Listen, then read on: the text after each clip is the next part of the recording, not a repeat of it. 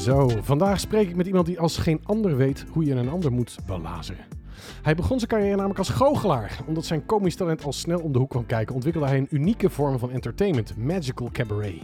Hij trad in 15 jaar tijd op voor meer dan 200.000 mensen en runt tegenwoordig het meest toonaangevende sprekersbureau van Nederland, Quality Bookings. Van harte welkom, Robert de Vries.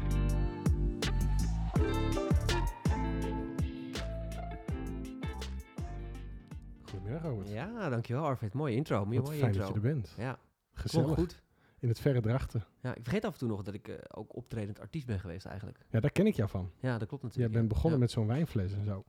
Met een wijnfles, ja, die ineens weg was. Nee, champagne was het trouwens. Oh, champagne. Champagnefles, ja. Nou, het is, ja. eh, Ja, het is magisch, dames en heren. Ik, ik, ik, ik droom er nog van. Ja, ja het is magisch. Ja, dat was wel leuk. Hey, super gaaf. Eh, ik, ik begin altijd graag. Hoe ben je opgegroeid? Waar ben je, ben je? Je woont nu in Almere. Ben je daar groot geworden? Ik ben wel geboren in Amsterdam, maar dat hoor je bijna niet meer. Nee. Hier, Nee. Zeker niet hier in Friesland. Eh, maar toen mijn ouders, ja, in die tijd ging eh, iedereen vanuit Amsterdam of naar Hoofddorp of naar Almere of naar Purmerend. En mijn ouders gingen naar Almere. Dus eigenlijk heb ik daar eh, tot nu toe alleen maar gewoond. Maar toen bestond het net, Almere. Ja, zeer zeker. Ja, onze wijk bestond echt uit één of twee straten. En we hebben heel Almere eigenlijk zien opgebouwd zien worden Hey, tot wat het nu is. hoe was jouw jeugd? Mijn jeugd, ja, fascinerende jeugd heb ik wel gehad. Een boei, nou ja, wel een moeilijke jeugd. We waren redelijk eh, gelovig bij ons thuis.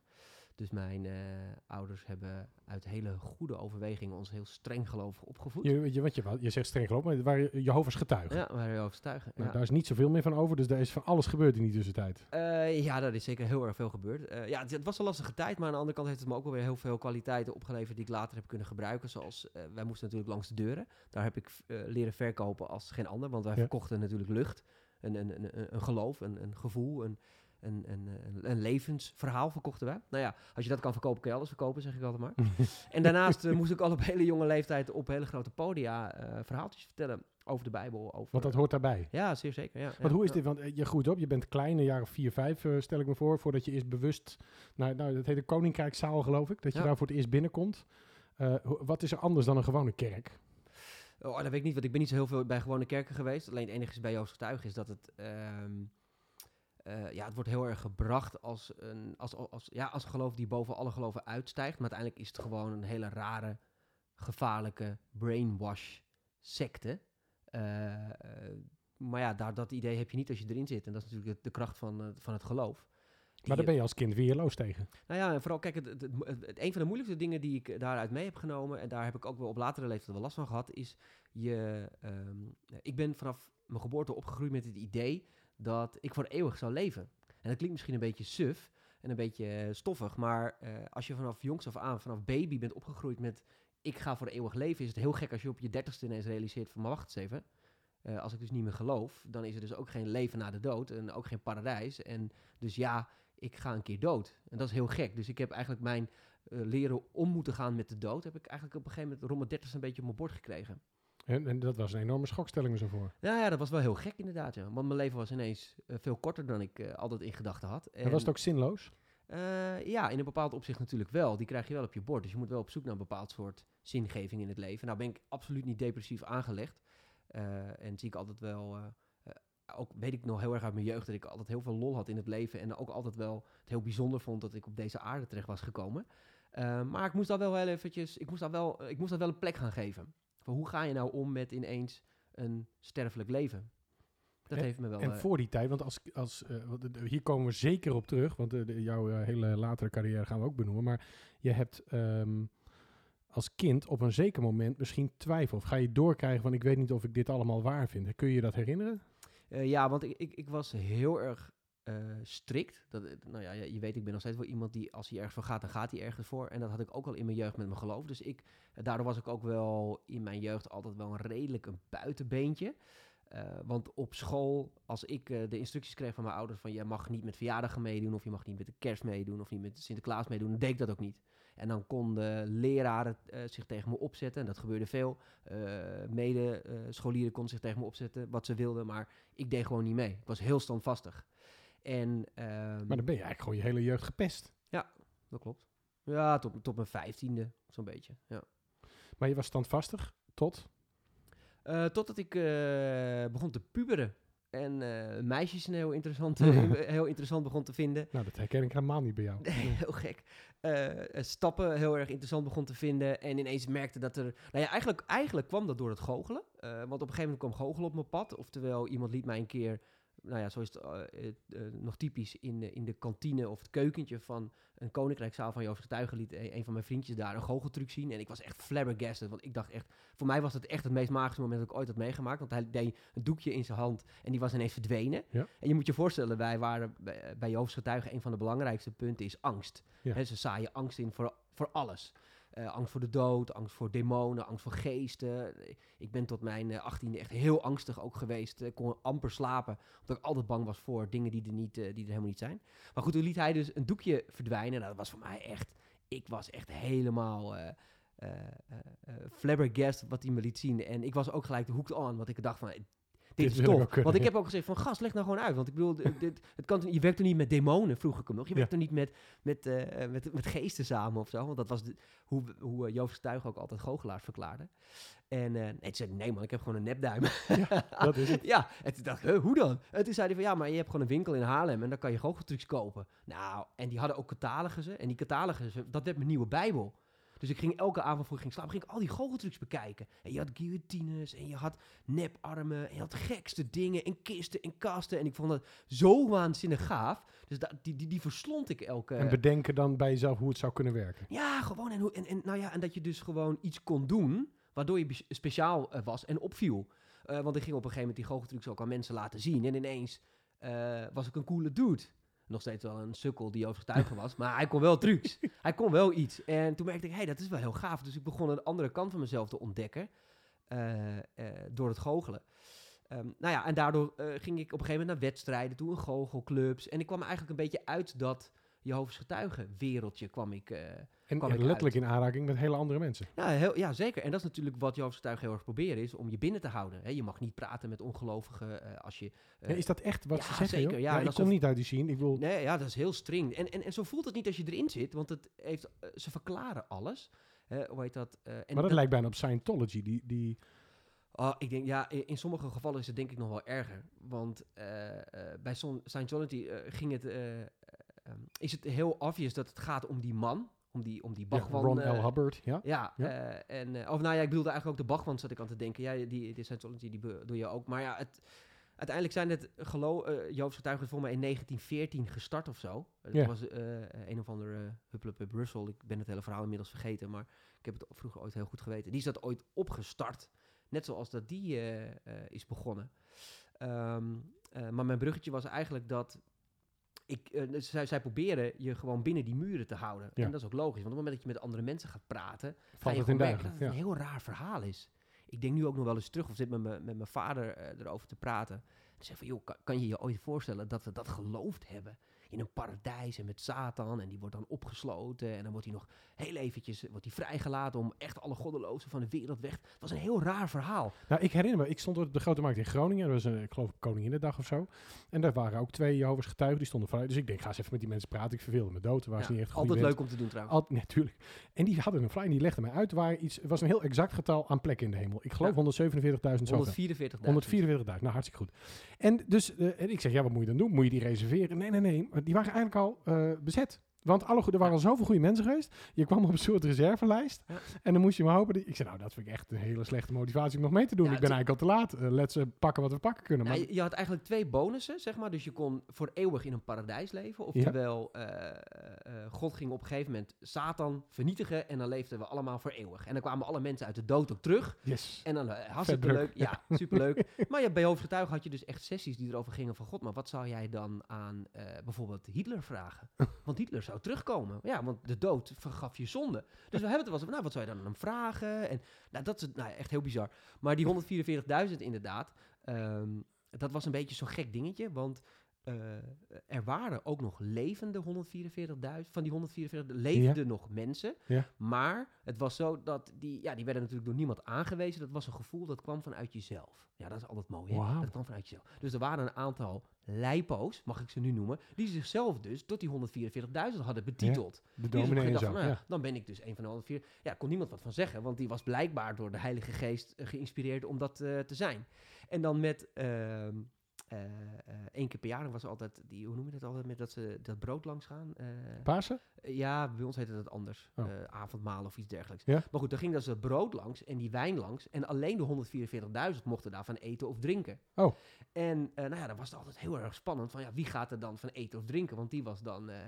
Dus alleen de echte narcisten namen dan een hap. precies. Wat heerlijk. Precies. Een goede selectie. Zouden Ja. we met de kennis van nu zeggen. Maar toen Ja, was jij nou ja, in. Ja. Nou ja, de- dat, dat is natuurlijk wel, als ik nu op terugkijk, denk ik van ja, wat een gek systeem eigenlijk. Maar ook heel fascinerend, want het is natuurlijk marketing puur zang. Jazeker. Het is natuurlijk, hoe ga je mensen eh, in iets laten geloven? Hoe ga je mensen zo ver in je merk, Joost Getuigen, laten geloven, dat ze dat er dus voor over Doe jij dit nu ook met je artiesten elk jaar? Dat je al je artiesten uitnodigt en zegt alleen de allerbeste mogen? Of, nee, misschien doen we niet. een klein rondje. Nou, wijn doe ik nog wel eens drinken met, die, eh, met mijn sprekers.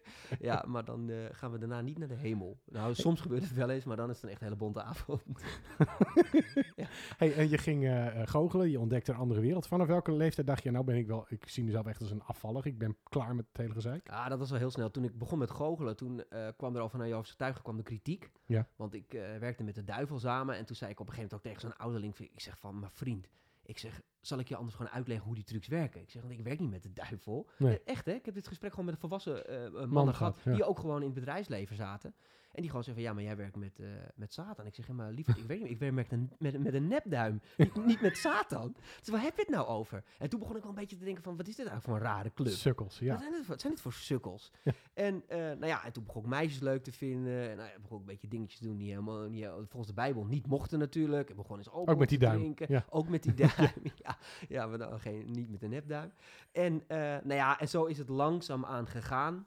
Eh, mijn vader had best een hoge functie binnen Joodse getuigen. Die was ouderling. eh, maar die had wat struggles. En onderling hadden die ouderlingen struggles. En op een gegeven moment viel het eigenlijk een beetje bij ons al allemaal uit elkaar. Mijn zus die had ellende, want die, eh, eh, die wilde ook een eh, vriend buiten Joodse getuigen. En toen op een gegeven moment hebben we volgens mij met z'n allen op een gegeven moment besloten, nou we kappen er gewoon mee. Ja, want als jij alleen was gestopt, hadden je ouders jou ook moeten excommuniceren, toch? Zeker, ja, dat was een van de belangrijkste Maar zij- jullie zijn echt tegelijk gezegd en het is klaar. Volgens mij zat er wel wat tijd tussen. Ik weet het niet meer precies hoe dat ging. Maar volgens mij was ik een van de eerste, daarna mijn zus. En toen volgden mijn ouders al redelijk snel. Oké. Best uniek eigenlijk.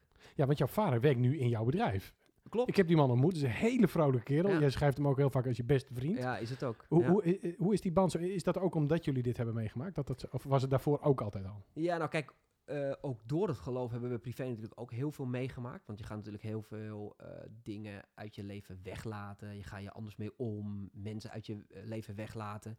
Eh, we hadden ook nog eens een keer de pech dat we eh, buiten de kerk, zal ik maar even zeggen, niet populair waren. Maar in de kerk eigenlijk ook niet zo heel erg. Want dan waren we dan weer net weer te rebels voor. Oh ja, en oh te ja. Amsterdams voor. En te, en te Jordanees voor. Dus ja, dat, daar, daar hadden we ook niet zo'n klik. Dus, maar daardoor waren we als gezin mega hecht. Ja. Mijn moeder zat elke dag eh, met een kopje thee op me te wachten.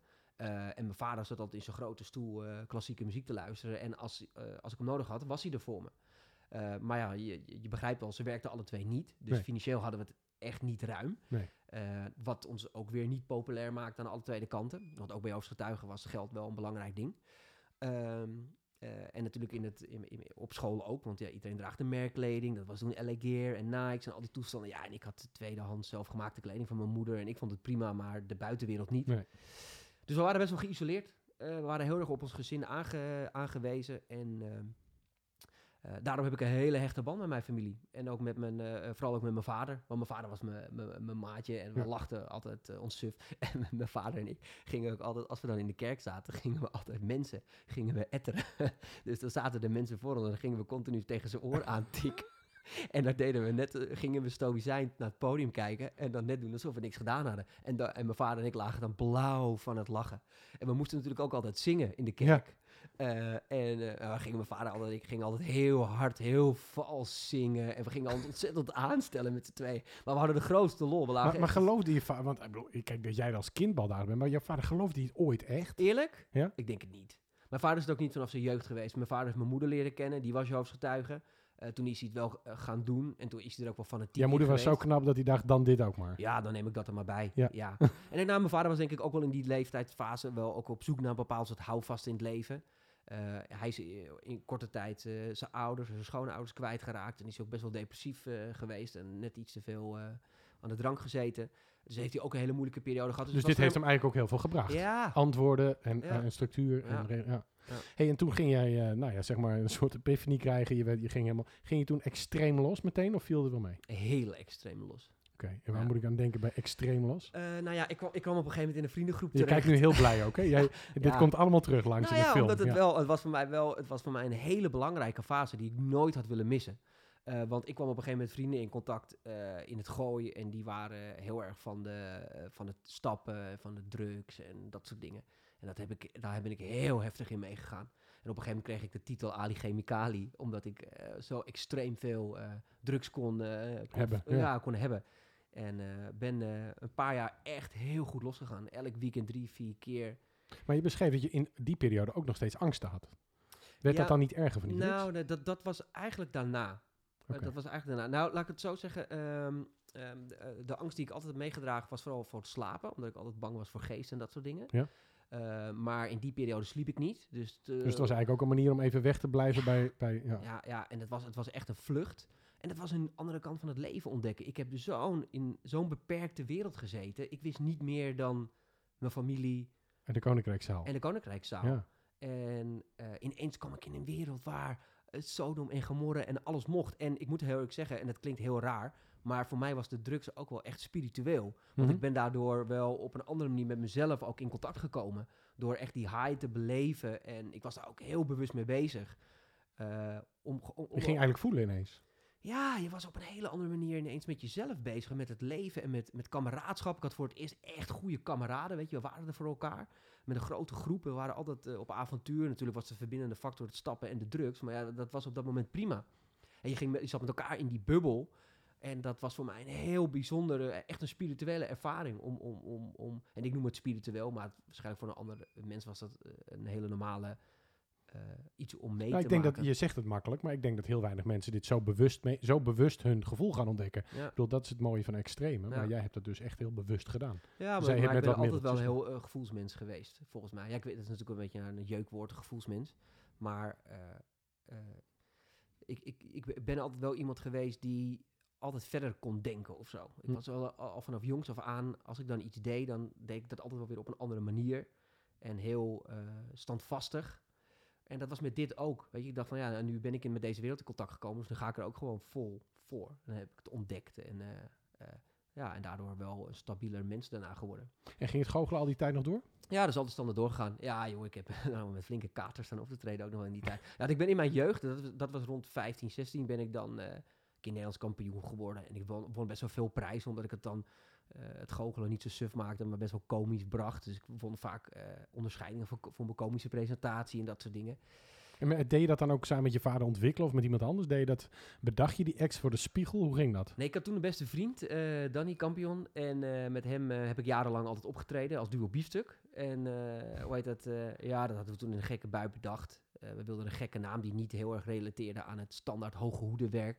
Want wilden- biefstuk schreef je B-E-F-stuk, Ja, toch? hij was Ja. van Engelse afkomst, dus daarom dat op zijn Engels geschreven. Ja. Eh, hij was wat dikker dan ik, dus daarom bief. Eh, en ik was... Jij eh, was knap en je vond jezelf het stuk. knap. en nee, eigenlijk was het niet zo gekomen. Heet het? het was meer omdat ik heel Hollands was en zoiets van, ja, biefstuk was, klonk leuk. En we hadden als slogan, mag het een onsje meer zijn? Oftewel, Kijk. we doen net iets meer dan andere goochelaars, want we deden goochelen, cabaret en Danny zong ook. En dat combineerden we met elkaar. Cool. Ja, en we hebben fantastische tijden eh, eh, gehad met elkaar. We hebben heel veel opgetreden. En eh, En waar gingen die wegen uit elkaar? ja, jeetje, we kenden elkaar vanaf dat we twaalf waren. Ook Dan- in de Koninkrijkzaal dus. Nee, nee, nee, zeker niet. Oh, Nee, nee, niet? nee, nee, nee. Danny was mijn eerste vriend, echt een goede vriend buiten de Koninkrijkszaal. Daardoor ben ik ook er een beetje los van gekomen. Eh, eh, hij was heel erg ADHD, heel bepalend, maar ik had het op dat moment had ik dat wel nodig. Tuurlijk, Iemand ja. die een beetje mij Mee trok naar buiten. ja, op sleeptouw Ja. nam en me naar de goochelclubs meenam en naar buiten nam.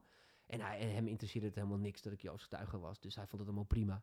Dus hij heeft me wel uit dat leven getrokken. Maar op een gegeven moment werd, werd, het te intens, de vriendschap, om het zo maar te zeggen. Maar dat was, dat, dan heb ik het echt pas over, pff, wat zal het zijn, vijf, zes jaar geleden. Hey, en jij ging die eh, hele wereld ontdekken van die entertainment als performer. Hoe lang heb je dat gedaan? Mm, nou, ik, ik begon toen ik acht was. En ik stopte denk ik toen ik eh 30 was. Kijk, Ja, dus En je bent nu? Ik ben nu 37. 37, oh ja, Ja. heel goed. Nee, voor de luisteraar, dan hebben ze even een beeld. Ja, ja. En ehm, inmiddels heb jij een van de grootste sprekersbureaus van Nederland, Quality Bookings. Ja. Eh, vanaf welk moment dacht je, ik, ik ben eigenlijk ook wel goed in handel? Want, je, want ik heb je ook leren kennen. Je bent een ontzettend eh nou, pintere zakenman. Je hebt je, je, je spullen voor elkaar, je hebt een, eh, een, een talent voor marketing. Je hebt veel grote namen je weten te binden. Ehm, wa- waar is dat ontstaan? Dat je dacht, nou, nou ga ik er even meer mee doen dan alleen het zelf optreden? Nou, heel eerlijk eh, heb ik nooit geweten dat ik een goede handelaar was. Eh, ik ben ook Maar nooit- je zei net aan het begin, ik kan alles verkopen aan de Ja, deur. Heb maar geleerd. ja, maar dat- ertussen. Ja, met terugwerkende kracht snap ik nu waar Ja, het vandaan precies. komt. Maar ik heb mezelf, eh, sterker nog, ik, was altijd, ik voelde me altijd heel erg onzeker als ondernemer. In mijn beginjaren als ondernemer ben ik ook heel erg ondernemertje gaan spelen. Mhm. Oftewel, ik had een bepaald beeld van hoe je als ondernemer moest zijn om succesvol te worden. Ehm, en dat ben ik een beetje gaan spelen. Maar dat werkte dus helemaal niet. Eh, Maar hoe deed je dat als Jehovah? Want je staat daar en iemand doet de deur open, heeft daar absoluut geen zin in. Jij zet je voeten tussen of niet, of je hand. En, en wat is dan de truc van die verkoop? eh, de, de eerste vraag. en, dus maar deed jij dat anders dan anderen? Had jij dan een grapje? nou, dat weet ik niet. Maar ik was heel jong, dus dat, eh, dat hielp altijd wel. Want dat vonden ze natuurlijk altijd wel schattig. Zo'n klein mannetje die dan aan de deur stond. Alhoewel we ook wel vaak kri- kritiek kregen. Maar het was, het, het was, kijk, je leerde gewoon hoe ga je zo snel mogelijk iemand overtuigen om zo'n boekje, eh, zo'n boekje aan te nemen. En dat, dat- ja, dus dat was alles. Je hoefde niet naar binnen. Eh, ja, het liefst wel. Ja, het liefst wilde je ze natuurlijk meteen eh, over de streep halen. Ja. En dat lukte af en toe ook wel, maar dat waren altijd de kansloze types. ja, nee, dat waren altijd mensen die, heet dat, of een huis geschilderd moest worden, of het waren, heet dat, mensen die heel hulpbehoevend waren. Eenzame mensen. Eenzame ja, mensen waren, in scheiding lagen en, en, en wel eventjes de, de hulp konden... God man, ik heb wat muren staan schilderen en Oh, je moest dan op- ook zelf helpen? Nee, we waren, wij waren barmhartige Samaritaan, dus wij hielpen iedereen. Tuurlijk, als, ze maar, als we ze maar konden bekeren tot geloof. Ja, dit had ik eerder moeten weten, want ik stuur ze altijd weg. Maar ik heb genoeg klusjes te doen hier. Dat, oh eh, ja, nou ja, als jij zegt van joh, ik ben echt heel zielig en eh, ik sta er net met ze schilderen zo mee. ja, echt. Als het goede overgetuigen zijn wel. Nou ja, en wij deden dat. En mijn vader was er ook wel een kunst in om adresjes te vinden waar hij lekker kon gaan zitten en koffie drinken. Oh ja. Dus we hadden wat, wat, wat oudere dametjes en we hadden wat eh hulpbehoevenden. En, en, en ik heb ook heel wat gekkies in mijn leven gezien. Echt wel gekke mensen. Ehm, maar ik was al blij dat ik niet langs de deur hoefde te lopen en lekker met mijn paar ergens koffie gaan drinken. En doe je nu, want je doet nu veel ook online marketing, is dat zodat je niet te veel langs de deuren hoeft? Werkt het systeem nu voor jou? Ja, dat vind ik wel grappig dat je dat zegt misschien wel. Ik, ben, ik, ik, ik heb namelijk wel een hekel aan traditioneel verkopen. Ja. Eh, oftewel de telefoon oppakken en mensen bellen. Dus ik was heel blij dat internet eh, eraan kwam. En je begreep dat meteen? Want, want jij was, jij bent, volgens mij heb je ook iets van 8000 domeinnamen en zo. Ja, Saxofoonspeler.nl, dat, dat- soort shit. ja, nou ja, dat zijn natuurlijk allemaal van die... Ja, ik was een van die eerste in onze markt die... eh, eh, om even een stap terug te eh, gaan. um, nee, ik vond mezelf niet een goede ondernemer. Maar al mijn vrienden, die waren online aan het ondernemen. Danny was iets aan het doen. mijn andere beste vriend, Arjen Brocking... die overigens nog steeds een van mijn beste vrienden is... was iets online aan het doen. En ik, potverdomme, die jongen Dat die harkte geld binnen. Dat was niet normaal. En ik denk, ja... En als er één ding me altijd gefascineerd heeft, is geld verdienen. Eh, want dat ik Omdat jullie niks hadden. Ja, tuurlijk. Ik ga ondertussen heel even iets uitzetten, want dat piept iets de hele. Dus vertel even verder. Jullie Oh ja. gingen verder. Ja. En eh, toen, eh, waar was ik gebleven gebleven? Je was aan het stellen van ondernemen.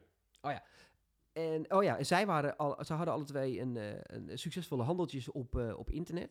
En nou ja, toen dacht ik bij mezelf, ja, ik wil ook wel zoiets hebben. Maar ja, wat, wat, moet, ik, wat moet ik dan eh, gaan verkopen? Want ik, ja, ik was verder niet zo goed in de handel. eh, en, toen, eh, ehm, en toen kwam eigenlijk het idee, bij me op om een online boekingskantoor te beginnen. Oftewel een website. Online boekings. Ja, oftewel gewoon een website vol gooien met artiesten en sprekers. En ik zie wel waar het schip strandt. Maar het was niet zo uit een soort ideaalbeeld van... oh, nu wil ik een, echt een onderneming starten of iets dergelijks. Dat is meer gewoon van, ja, ieder, ieder- mijn vrienden doen het, dus ik Ik kijk, wil of, kijk of ik het ook kan. Ja. Weet je, eh, want op zich was ik wel al redelijk klaar met dat goochelen. Ik had natuurlijk jarenlang, nog voor de kredietcrisis hebben we het dan over... eh, eh, soms wel drie, vier, vijf keer in een weekend ergens moeten optreden met je kaart en je balletjes. En ik was, dus, ik was het zo zat. Ehm, dus ik wilde graag ook wel wat anders. Maar ja, wat dan? Weet je, ik, ik heb mijn LTS. Ik heb LTS gedaan, punt. Ja, want het onderwijs, dat trok je ook niet omdat je eigenlijk altijd getraind bent. Ja, nou, Of dat was op de simpel? middelbare school viel het wel mee. Maar ik, ik had gewoon problemen met gezag. Ik kon niet tegen mensen die me wat gingen vertellen. En dat komt natuurlijk omdat ik dat jarenlang heb gehad vanuit het geloof. Dus dan gingen die leraar tegen mij vertellen... Ja, Robert, zit je stil? Ja, oh, ik, kon, ik kon niet stilzitten. Ik wilde, wilde lekker op pad. Dus ik ben op mijn vijftiende gaan werken in het magazijn bij een rolstoelfabrikant. Vond ik echt fantastisch. Ging een wereld voor me open. Ik heb daar ontzettend veel, met ontzettend veel plezier gewerkt. Ik was een hele harde werker. Ik deed, presteerde ook dingen. Op een gegeven moment gingen ze onderling gewoon poeltjes eh, maken van eh, hoe snel ik een klusje af kon krijgen. Want dat was bijna bovenmenselijk. Ik had zoveel energie. Dus ik heb maar heb je, eh, want je gaat daar snel voorbij. Is dat, ben je zelf een beetje hyper ADHD-achtig geweest? Of was dat omdat je zo genoot van die vrijheid dat je dacht, nou, Ja, want ik heb later nog wel eens bij psychologen of dat soort dingen laten testen. En dat, ik, ik, ik scoorde niet eens een klein beetje in de buurt van Oké. ADHD. dus je hebt, heb je dat nu nog, dat je zoveel energie hebt? Eh, we- ik word wel wat ouder. Dus ik word Dat wel hoop ik, maar word ja. wel wat milder daarin. Ja, ja. ja, dat is ook bewust. Ik moet mezelf daar ook in beschermen, omdat ik mezelf ook... Ik, ik heb er ook wel eens tegen mijn grens aangelopen. Eh, rond mijn dertigste, toen alles een beetje bij elkaar kwam en alles Ja, explodeerde. want, want dat zei je eerder. Toen besefte jij in één keer, het leven is eindig. Ja. Tot die tijd zat je nog altijd een klein beetje in perspectief. Het is, we werken toe naar iets super nog Ja. leukers. En ik was ineens 30. Ik had een beetje een soort vervroegde midlife crisis, denk ik ook. Dan word je niet oud als je dat op je dertigste hebt. Ah, nee, is dat zo? Ja, nou ja, wie weet. Ja. Midlife, dus als, als je dat op je dertigste hebt, word je maar 60, toch? Ja, als je, oké, als je hem zo gaat uitleggen wel, ja, ja, ja. Nou, ik was niet van plan om zo eh, jong te worden, maar ik, ik, ik, had, ik, ik had natuurlijk best wel al een, eh, een gek leven al achter me. Ik had jarenlang gestapt, ik had ineens een, maar ik had ineens een, eh, een vaste relatie en daar zat ik al lang in en daar wilde ik eigenlijk uit. En ik had eh, eh, wel succes, maar een beetje en het kwam allemaal maar niet echt van de grond af. En ik had natuurlijk al verwacht dat ik rond mijn dertigste een Porsche zou hebben en dat was natuurlijk niet zo. En iedereen om me heen was voor mijn gevoel heel succesvol. En ja, op een gegeven moment kwam dat tot een, eh, tot een explosie. En ineens moest ik ook heel veel dingen gaan verwerken uit mijn, uit mijn, uit mijn jeugd. En, eh, en dat resulteerde dat ik enorm veel paniekaanvallen kreeg. Hyperventilatie, eh, straatvrees. En dat werd steeds erger, erger, erger. Tot ik op een gegeven moment gewoon niet meer wist waar mezelf aan moest. En toen ben ik naar een psycholoog gegaan. En heb ik een hele goede behandeling gehad. En EMDR gehad. En eh, eh, heb ik gewoon allemaal trauma's die ik nog blijkbaar moest verwerken, heb ik verwerkt. En daarna ben ik een stuk stabieler ook, eh, ook geworden. En, en ehm, in die periode, want je, je- het is een redelijk dieptepunt, ging je gewoon door met werken? Ging je naar de buitenwereld doen alsof het gewoon leuk was? Nee, nee.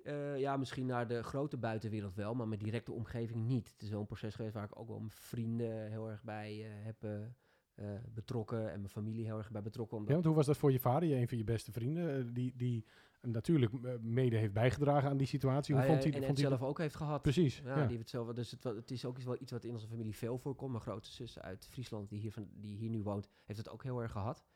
Ehm, ja, alleen ik voelde aan alles, dit, dit, ik, ik krijg dit op mijn bordje om er iets mee te doen. Mhm. Dus, en mijn familie is nogal van het weglopen en het wegstoppen. En ik dacht van, ja, maar ik, ik moet hier de volle confrontatie mee Ga aangaan. die tijger recht in zijn bek kijken. Ik ga hem recht in zijn bek kijken. En ik eh, eh, heb ook op een gegeven moment besloten, ik ga hier niet, dit gaat niet mijn leven worden. Want het was op een gegeven moment best wel heftig. Ik kon gewoon niks meer doen. En op een gegeven moment, ik weet nog dat ik op een gegeven moment een dag een eh, treinkaartje heb gekocht. Gewoon voor, om de hele, ik, op een gegeven moment durfde ik de trein niet Ja, meer in. ik, het heb, ik vliegtuig heb het zelf meegemaakt, ik weet hoe Ja. het voelt. Ja. Ja, nou ja, precies. Jij weet precies hoe het is. En, en ik dacht, ja, ik ben er klaar mee, ik ga dit niet doen. Dus ik ga gewoon de hele dag in de trein zitten tot ik er gewoon helemaal knettergek van word.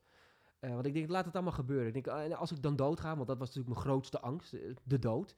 Daar was eigenlijk alles aan, aan gekoppeld.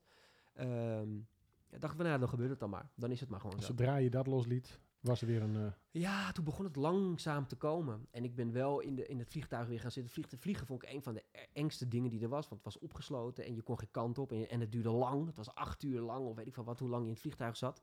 Maar ik wilde wel graag de wereld ontdekken. Dus ik zat heel erg in tweestrijd. Ehm, en ik ben er gewoon in gaan zitten, in gaan zitten, in gaan zitten. En ik heb echt wel vliegen, eh, vluchten gehad. En dat kan je ook mijn ex-vriendinnen wel vragen. Dat ik echt acht uur lang in doodsangst heb gezeten. nou, die gaan we nu even allemaal bellen. Nee, gaan we nu even bellen. nou, te die- lange aflevering. nu aan de lijn. dat zou leuk zijn. Oh, oh, oh. Nou ja, goed, eh, dat was best wel heftig. En, eh, maar ik ben de confrontatie er gewoon mee aangaan. En onder begeleiding van een psycholoog ook, heel- die me heel goed geholpen heeft. Ehm, eh, ben ik de confrontatie aangegaan en ben ik, er, ben ik uiteindelijk eroverheen gegaan. En toen werd het leven weer mooier. Ja, toen wordt het een stuk mooier, ja. En, en je zei, ik hem recht aan, want ik moet er iets van leren, want het was een thema in de familie. Wat heb je geleerd? Wat is de, de les? Ehm, heel erg bij jezelf blijven. Een lekkere cliché, maar dat is wel waar. Ik was een leven aan het leiden die ik dacht dat ik moest leiden. Terwijl, eh, omdat, ik, omdat ik natuurlijk vanuit de basis altijd het idee had dat eh, wat ik deed niet goed was. Mhm. Eh, eigenlijk overal waar ik kwam, viel ik buiten de boot. Eh, kwam ik er op een gegeven moment achter van, ja maar luister vriend, inmiddels heb je een prachtig bedrijf. Eh, je hebt een hele mooie vriendin, je hebt eh, een mooi huis, je hebt een mooie auto. Je hebt eigenlijk alles waar je altijd al van droomde. Misschien is het ook wel goed zo. En toen dacht ik van ja, misschien is dat wel goed zo. En het is ook wel goed zo. En nu doe ik alleen nog maar de dingen die ik echt heel leuk vind. En ik durf ook nee te zeggen tegen mensen die ik, waar ik niet mee wil werken. En eh, ja, ik kan veel.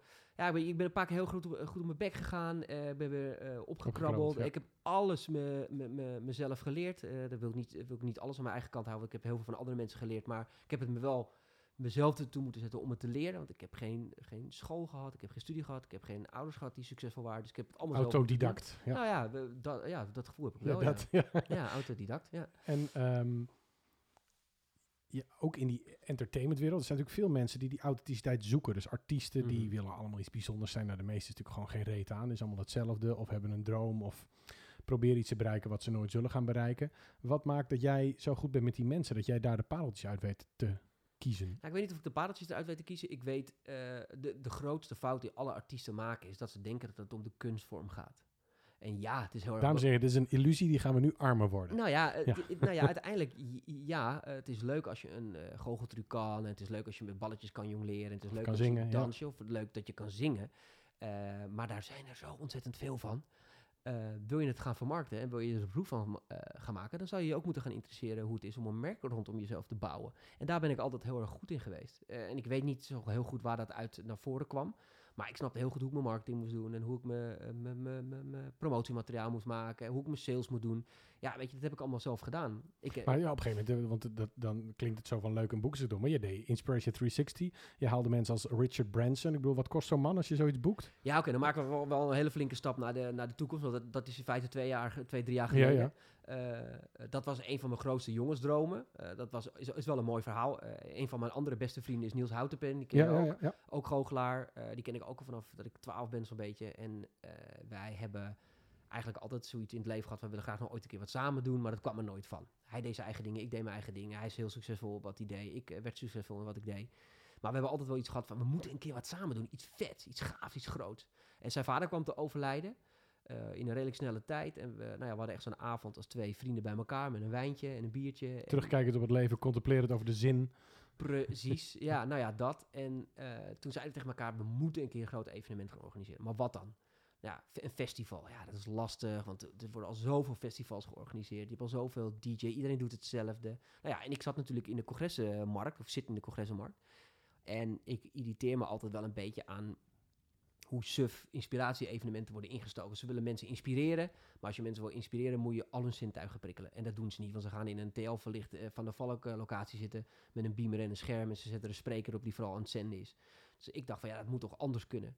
Eh, en daarnaast merkte ik dat eh, er op inspiratieniveau in Nederland, ja, je hebt, je hebt een clubje van 40, 50 sprekers in Nederland die veel werken eh, en je, er hangt een hele hoop onder, maar dat is het wel zo'n beetje. En als er een keer een toffe spreker naar Nederland kwam, als Bill Clinton of als Richard Branson of als Al Gore, ja, dan moest je altijd bij de upper class eh, horen of heel veel geld betalen. En toen dacht ik, dat is gek.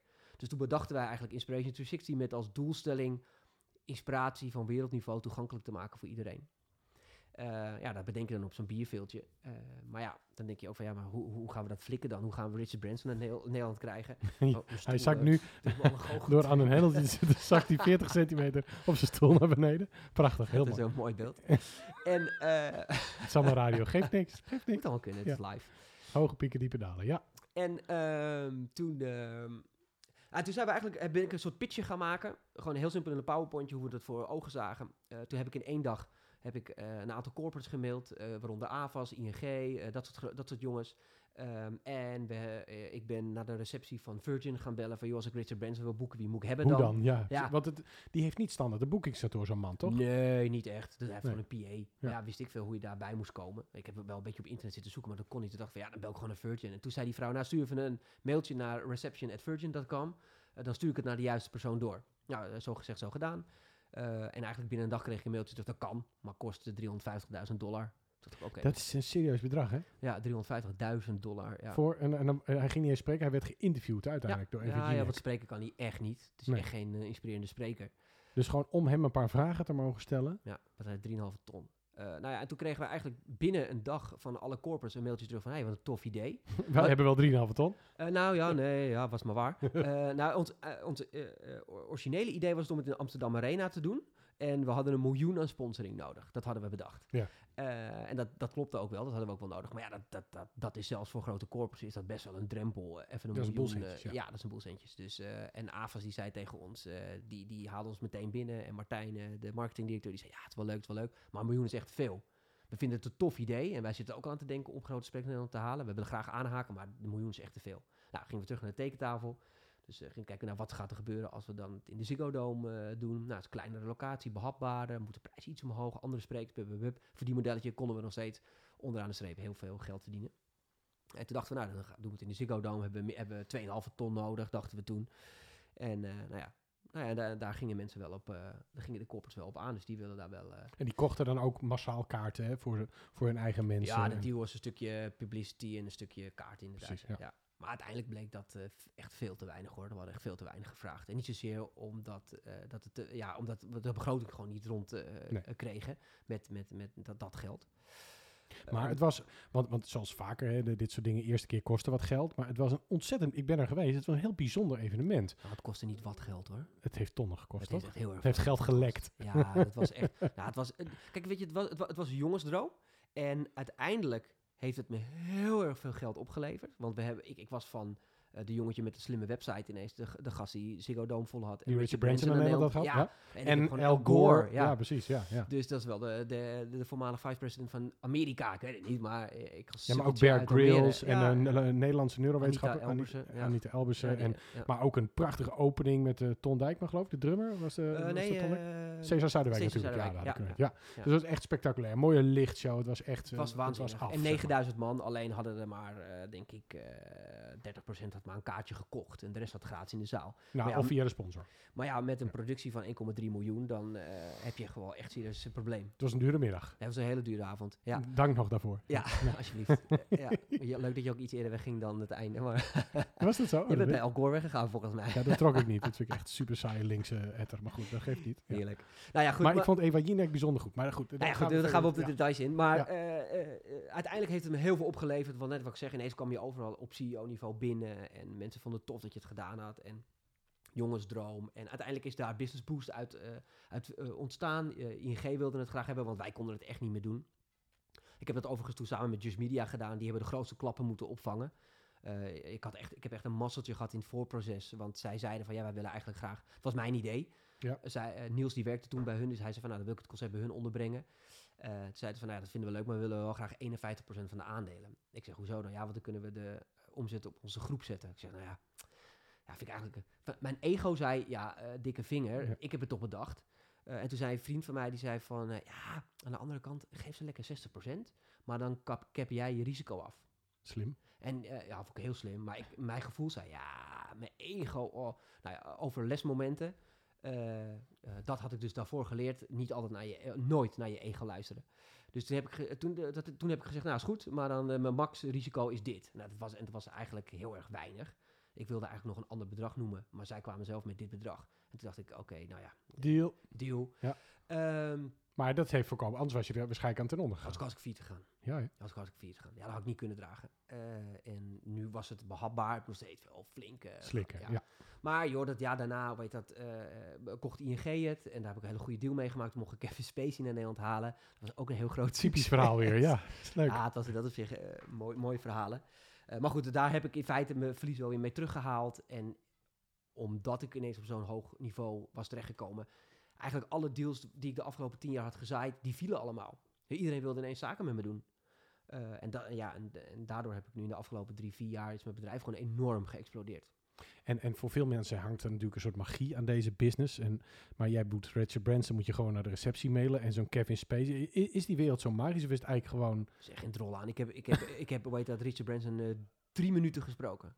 Oké. Van, de hele, van het hele proces. Eh, El Gore, nou ja, ik, ik kan daar verhalen over vertellen. Daar kunnen we nog wel drie podcasten mee vullen. Dat Eh, kunnen we, laten we die ambitie vooral uitspreken. Die, die, die, die eh, El Gore, die, da- da- daar hadden wij natuurlijk... als, je- als je die wil boeken, dan krijg je een eh, webcam sessie of een conference call Ja. met Amerika. Want hij heeft een boekingskantoor in New York. En dat is echt die, die- high-end. Dus zeg Ja. maar het beste sprekersbureau van de wereld. Daar zit Bill Clinton, daar zit Obama, daar zit iedereen. Harry Walker heet het. En nou, dan ga je dus eh, live op de Skype en da- daar zat ik. als simpele ziel. Moet je even met mijn verhaal, moet je, moet je erbij denken, die draag je toch altijd met je mee. Als simpele ziel in Almere op mijn kantoortje. Met je webcam. Met mijn webcam. Niels eh, op zijn webcam in Oosterhout. Ook een simpele goochelaar. Zaten we met z'n tweeën. En de marketingdirecteur van AVAS. Zaten we in een Skype met El Gore, zijn team. Aan een grote, lange tafel zaten ze daar in Amerika, in New York. Met allemaal eh, eh, op stoeltjes vragen, vragen, vragen, vragen. Hoe hebben jullie dit geregeld? Hoe hebben jullie dat geregeld? Hebben, we, we, hadden, zijn we due diligence bijna die ze Ach, we hebben ons overal doorheen gebluft. we hebben ons overal doorheen gebluft. De veiligheidsplan en dingen. Het is niet dat we het niet professioneel op orde hadden, maar heus wel. Maar ja, je, je, moet je, ins- je weet niet wat ze gaan vragen. Nee. Dus we hebben ons er echt wel flink doorheen moeten bluffen door die, eh, door die sessie. En uiteindelijk, eh eh, hoe heet dat? nou ja, wilde hij het doen voor een bepaald bedrag, 250.000 eh, dollar, wilde hij voor hebben. En eh, toen dachten we op een gegeven moment nog van, ja, fuck it, we gaan gewoon, we gaan, we gaan onderhandelen. Dus toen op een gegeven moment hebben we gewoon gezegd van, eh, twee ton. En wij denken van, ja, dat is echt heel, ja, dat is best ongemakkelijk om tegen de vice-president van Amerika. Ja. Dat voor hun, ze noemen hem ook niet voormalig eh, Gewoon de vice president. de VP, ja. vice-president, VP El Gore. Maar hij accepteerde het. Dus hoe heet dat? ja, daar hadden we dan wel een klein masseltje mee. Ehm, maar je gaat in een heel moeilijk proces met contracten en met ingewikkelde dingen. En spelletjes. Amerika is echt van de spelletjes. Dus op het moment dat je dan praktisch getekend hebt, dan, eh, dan gaan ze een spelletje spelen. Ja, en oh my god, werd ik gebeld. "You- uh, Robert, you have to call me right now. En dat was dan die, eh, eh, die vrouw die zijn boeking deed. Oh, Robert, it's, oh, I've got so big problem. Hele toestanden. En dan ging ze het heel zwaar maken. Want eh, dan wilde El Gore iets niet of zo. Maar dat was helemaal niet zo. Maar dan zei ze ook op het laatste gesprek. Maar weet je, als je nou een 100.000 dollar eh, beschikbaar kan stellen. dan denk ik dat ik hem wel kan overtuigen. Ja, oh ja. Dat soort spelletjes werden er gespeeld. Maar gelukkig eh, liep. Maar word je daar niet nerveus van? Ah, dat zit niet zo in mijn aard. Dat was zo- gewoon, jij wist dat het een spelletje was. ik hou van. eh, eh, mijn vader zegt wel eens van. eh, jij, jij, jij, jij vindt het lekker om het risico te spelen. Hij zegt: Jij vindt het, het leuk. Jij, jij vindt het het interessant worden als, het, als je echt je ballen op het hakbroek eh, moet leggen, zegt hij altijd op zijn Amsterdams. En dat is wel zo. Dat vind ik leuk. Maar ook op, op het randje van het betamelijke en het, het, het wat mag? Of is het altijd gewoon wel in ondernemende zin? Nee, Of vind je het ook lekker om expres door rood te gaan rijden en zo? Nee, in ondernemende zin. oké. Nee, in ondernemende zin. Nee, gewoon puur. eh, gewoon. eh, nou ja, kijk, ik, iemand heeft me wel eens geleerd van. dat het een misvatting is. Dat heel veel ondernemers denken dat, dat je heel veel kleine risicootjes moet nemen. En dat er dan eentje gaat vallen en heel succesvol wordt. Maar dat is, dat is een fabel. Als je succesvol wil worden, moet je één heel erg groot risico nemen. Eentje waar, waar je volledig van finaal naar de kloten kan gaan. En dus ook heel veel succes van kan hebben. Nou, ik ben heel erg naar de kloten gegaan. Ja. Maar uiteindelijk heb ik heel veel succes uitgehaald. Eh, door zo een enorm groot risico te nemen. En ik wilde ook op dat niveau wilde ik ook eh, gaan ondernemen. Ik wilde het gewoon ervaren. Nou ja, dat, dat hebben we ook wel geweten. Want, eh, nou ja, goed, het hele verhaal is, heb ik wel vaker verteld. Maar uiteindelijk, de kaartverkoop liep voor geen meter. Nederland snapte er geen drol van. Nederland is sowieso niet gewend om kaartjes te betalen in het zakelijke circuit. Nee. Vinden ze heel lastig. Eh, en zeker voor zo'n nieuw initiatief. Dus eh, ja, dat was wel van hell over de job. Maar de, de leukste grap is nog, El Gore die stond bij ons op het podium. En we hadden uitonderhandeld dat hij een half uur keynote presentatie zou doen. En een half uur interview met Twan Huis. En waarom? Het, het was in de verkiezing eh, van Donald Trump en Hillary. De, in die verkiezingsfase zaten we. Dus wij denken, nou, we willen wel een scoop hebben. Dus Ja. we hadden Twan Huis gevraagd, goede journalist. En, eh, maar dat wist hij natuurlijk ook. Dus hij wist wel, die gaan vragen stellen over de politiek. Dus we moesten sowieso in het contract zeggen, mogen geen vragen over eh, eh, Trump gesteld worden. Maar dat hebben, ja, we hadden natuurlijk Twan Huis geïn- geïnstrueerd, doe maar lekker wel. En uiteindelijk dacht El Gore van, nou, ik ben een slimme man. Weet je wat ik ga doen? Ik ga gewoon mijn keynote enorm uit laten lopen. Zodat ze geen tijd hebben voor het interview. Mhm. Best slimme strategie. Eh, maar dus op een gegeven moment, na een half uur, kwamen we erachter van... eh, ja, hij gaat zijn keynote uit laten lopen. Dus ik loop naar die PA van El Gore toe. En, eh, of tenminste, Niels liep naar hem toe. En die zegt van, ja, we moeten... we gaan El Gore van het podium afhalen. Oei. En eh, die man zegt, hij zegt, ik weet niet of je weet wie je bent, maar jij, ga- jij gaat niet El Gore van het podium afhalen. En toen zei Niels tegen hem, en ik echt, dat vond ik het meest briljante moment ooit. Hij zegt, ik weet niet of je weet waar je bent, maar je bent in Amsterdam en wij gaan El Gore nu van het podium afhalen. Dus wij hebben een slide toegevoegd aan de presentatie van El Gore. Your keynote ends here. Gewoon een witte pagina met die tekst erop. Maar we hadden een rond podium en het publiek zat rondom. Dus de, alle mensen in de zaal zagen op zijn aflezerscherm... Your keynote ends here. dus dat is briljant. Dus die El Gore kon niet verder met zijn presentatie, want eh, we hadden gewoon de slides gestopt. Dus die stopte inderdaad met zijn presentatie. Eh, en eh Twan Huis begon met zijn interview en die is vol op Trump gegaan. Vol op Trump. Boom, boom, boom. Ja. Verkiezingen, verkiezingen, verkiezingen. En toen gaf hij de scoop, de wereldwijde scoop, dat hij Hillary Clinton ging ondersteunen ja. in, in de campagne. Dat is toen viral gegaan op internet. Ja, dat is natuurlijk wat we wilden. Dus ja, weet je, ja, een beetje Maar lokt het dan niet om dit meteen internationaal uit te rollen? Ook al heeft het de eerste keer wat, wat geld gekost? Ja, zeker wel. Eh, alleen het was wel een helft job. Ik moest even weer. eh, ik ben een jaar lang uit mijn eigen bedrijf weg geweest. Ik moest even weer wat aandacht geven aan mijn eigen bedrijf. Eh, ik moest even weer mijn reserves aanvullen. Ehm, en de juiste partijen bij elkaar halen. Want ja, ik geloof dat dat internationaal zeker kan. Maar het is geen eenvoudige puzzel. Dat zien we ook aan Hillary Clinton, die met Mojo zo'n hele tour aan het doen is. Zeker in Nederland verkoopt voor geen meter. Nee, nou zou ik ook nooit naar Hillary Clinton willen. Nee, sorry, eh, Michelle Obama. Ik Oh, eh, vergeet me, die doet de big Ja. book presentatie in, eh, in de Zero Ja. Dus ja, dat, dat, dat- dat komt nog wel. Maar ik, ben nu, ik, ik geniet nu ook heel erg van het opbouwen van kleine evenementjes. Zoals we nu met Business on Stage doen. Eh, in, eh, met de eh, samen. Eh, de- je, je noemt snel een titel, die kennen veel mensen niet. Maar jij hebt een concept in het theater. Ja. Waarbij bekende mensen. De eerste keer was met Duncan Stutterheim van IDT. Ja. Die wordt dan geïnterviewd door Niels, geloof ik ook. hè? ja, klopt. En, ja. en daar kunnen mensen naartoe. En, en daar zijn dan ook nog weer jonge, talentvolle sprekers, toch? ja, klopt inderdaad. Eigenlijk ontstaan uit het feit dat je vaak op congressen naar heel veel sprekers moet luisteren. Maar je eigenlijk kom je er voor één.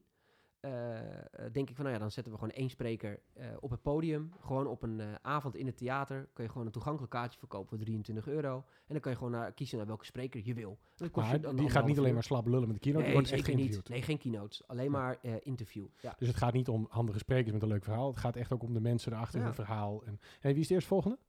We hebben Duncan Stutterheim nu gehad. En nu Bas van der Veld van AVAS. De directeur van AVS. CEO. CEO Ontzettend AVAS. begane man ook. Enthousiast. Hele eigen kijk op ondernemen ook. Wanneer Ja. is dat? Eh 5 juni. 5 juni. Dus de mensen die willen, Er zijn nog er kaartjes. zijn nog een paar kaarten. Heel, En- en- heel veel. En wat longt er? Wat, waar, waar gaat dit allemaal heen? Want, want eh, ik heb eh, jouw bedrijf wel gevolgd de afgelopen jaren. En het is steeds diverser geworden. Je hebt een enorme evenement. Tak, je organiseert, Mm. produceert steeds meer eigen evenementen voor Ja.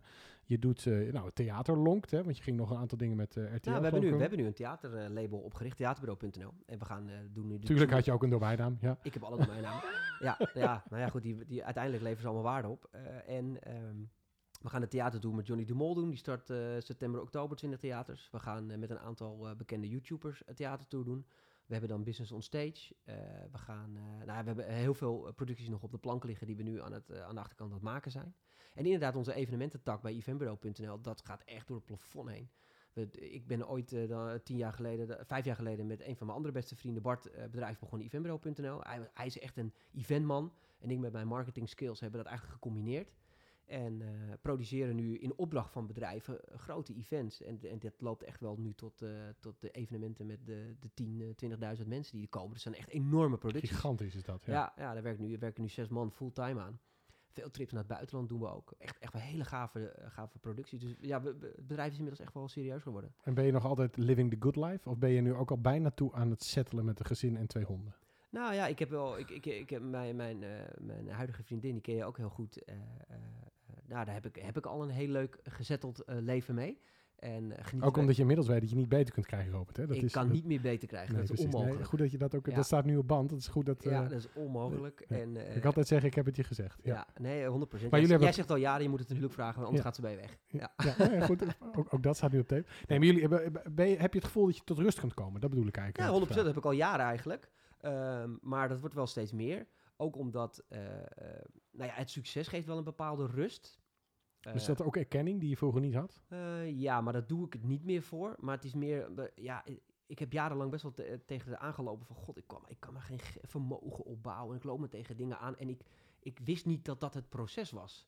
Eh, ik wist niet van, ja, maar joh, er was niemand die ook tegen me zei van... joh, hou het nou gewoon nog even vijf jaar vol. Want je, hebt, joh, je komt vanuit niks. En ik was ineens een bedrijf aan het opbouwen. Eh, ik, weet het niet, maar ik heb nu bijna heel bekend Nederland onder management, zeg Ja. maar. Hey, ik, ik zet sprekers in de markt. Dat, is- dat, dat is wel even een weg, hè, van, van, van, van, van niks naar dat. Eh, maar er was niemand die mij, tegen mij zei van... joh, maar dat kost gewoon even tijd. Je moet even doorzetten. Heb geduld. ja. Ja. en ik had eh, nou, toen een huidige vriendin die een beetje onrustig was. En die zei, ja, we moet je wel doen. En daar, daar werd ik alleen maar onrustiger van. Maar ik moest gewoon even door dat proces heen. En dat ik nu dat succes heb en ik heb het vermogen opgebouwd en, en dingen sla, sl- eh, slagen nu veel sneller. En ik snap het ondernemen meer, ik snap het spelletje meer. Ik, ik weet hoe ik zelf als ondernemer ben. Ja, dat geeft heel veel rust. Want ik kan nu ook heel veel toffe dingen eh, gaan creëren. En, en is dat de gouden tip die je zou geven aan iedereen die ondernemer wil worden? Hou vol. Of is het complexer dan dat? Want je Ja, had... niet, niet hou vol, maar respecteer het proces. Heel veel ondernemers denken eh, dat het snel moet gaan. Dat je, eh, als je ondernemer bent, dat je ja, je eerste twee, drie jaar, dan moet, je, dan moet het er wel echt gaan Dat vallen. vanzelf gaat. Ah, ook, dat ja. werkt gewoon niet. En Nee. zeker niet in, in mijn handel, want in mijn handel was gewoon vertrouwen opbouwen. Ik moest heel lang, heb ik erover moeten doen, dat mensen begrepen, hé, hey, die robot kan echt wel wat en die komt van iets. En eh, eh, ja, ook bij bekende Nederlanders en bij sprekers en bij prominenten. Weet je, ik vertegenwoordig nu bijna al mijn helden. Weet je, zoals Duncan Stutterheim, dat is een van mijn grootste ondernemershelden. Ja, die mag ik nu vertegenwoordigen als spreker. Hoe tof is dat? Maar je bent ook in die branche best wel eigenwijs. Want jij gaat niet zo van, nou, ik ga alleen maar, nou ja, niet dozen schuiven, maar, maar Ja, artiesten zeker, schuiven. ja. Je hebt zoiets van, ik wil entertainment creëren. Ik weet hoe het werkt. Ik weet hoe het werkt met humor, met energie op het podium. Ehm, maakt het, da- ze- hebben de klanten je inmiddels gevonden? Is dat, is dat wat het proces is? Ja, en, en dat vind ik denk ik een, is een andere tip denk ik die heel belangrijk is, is je moet jezelf opnieuw durven uitvinden. Je moet naar je markt kunnen blijven kijken en naar je eigen bedrijf. Elke januari weer, dat het jaar opnieuw begint. Waar gaat het met de markt naartoe? En op een of andere manier voel ik altijd waar het met de markt naartoe gaat. En ik weet dat het huidige model van een boekingskantoor over tien jaar niet meer bestaat. Want een boekingskantoor was vroeger puur alleen maar bedoeld om een klant in contact te brengen met een Dat kunnen bekend nu via persoon. Twitter ongeveer. Dat kan je nu of overal. via de receptie van Virgin. Ja. Ja, whatever. Weet je, Ja. Eh, iedereen is gewoon bereikbaar. Dus dat is niet meer de functie van een bureau. Dus ik bedacht voor mezelf, als er dan een functie van een bureau is en een toegevoegde waarde, dan moet dat zitten in dat wij de sprekers gaan maken. Dat is ook waarom we met de campagne zijn gekomen, de sprekers van de toekomst. Waarom we nu heel erg marketingtechnisch inzetten van wij weten hoe we jou als spreker gaan maken. En, en, en die credits hebben we ook, want er zijn heel veel sprekers die nu 40, 50, 60 klussen per jaar doen omdat we samen met die sprekers een marketingcampagne zijn op gaan eh, tuigen. Hun op hun inhoud en expertise en wij op het marketing. En soms lukt het wel, soms lukt het niet. Maar wij weten inmiddels wel hoe, eh hoe het werkt. Dus daar zijn we nu veel meer op gaan inzetten. Maar je zei dat je als jongetje al heel gevoelig was. Is die sensitiviteit jouw grootste virtue als ondernemer? Is dat jouw grootste talent? Dat je dingen aanvoelt, dat je daar een neusje voor hebt? Ik denk het wel. Ja, ja, dat denk ik wel. Ja, ik eh, durf het wel aan te voelen. En, en ik durf dan ook daar Een gokje te wagen. Eh, en, en, en, en gewoon mezelf te zijn. Begrijp ik? Eh, Dat, moet ik misschien iets abstracter maken, maar hoe heet dat? eh, eh, Wat is jezelf? Want eh, in de psychologie zeggen we, mensen zijn een verzameling van scripts. Je hebt niet één ware zelf. Wat is jouw ware zelf volgens jou Ja, zelf dat als heb je ik dit zegt? gehoord vorige keer inderdaad. Ja, dat vind ik wel mooi. Nou ja, ehm, ja, of ik iemand leuk vind, ja of nee. En het is heel, het is heel simpel. Maar als ik een spreker bij mij in de stoel krijg dat ik ontzettend lul vind, dan, dan, dan- nou, misschien zeg ik het hem niet meer direct, maar dan, dan, dan ga ik gewoon niks met hem doen. Nee. En dan, kan hij nog zoveel geld verdienen. En, en ik ben heel eerlijk. Ik zeg ook gewoon tegen sprekers, ook die bij ons komen van, eh, met, met, met heel veel boekingen, met heel veel geld en die heel veel geld bij ons komen brengen. Weet je, die, moet- je moet je niet denken dat, je bij, dat, dat ik ineens in dienst ben van jou. Nee. Weet je, we gaan het samen doen. We hebben, je komt bij mij voor een toegevoegde waarde. Ik kom bij jou voor een toegevoegde waarde. Maar dan gaan we elkaar ook wel eens gelijk behandelen. En, ik, ik, eh, ja, en, die, en die respect en op die manier erin zitten en op zo'n rustige, normale manier. dat maakt ook wel het succes, denk ik. Want mensen krijgen bij mij wel gewoon eerlijke feedback. Is dat, is dat uniek in deze wereld? Eh, ja, zeker. Want? A, denk ik dat er helemaal geen sprekersbureaus in Nederland zijn met überhaupt een mening. Het zijn gewoon administratieve afhandelingskantoren. Ze Mhm. nemen de telefoon op, sturen een contract en sturen een factuur. Maar houden verder hun mond. Eh, een paar jaar geleden was er een hele issue dat eh, mensen van de publieke omroep snabbelden in het land.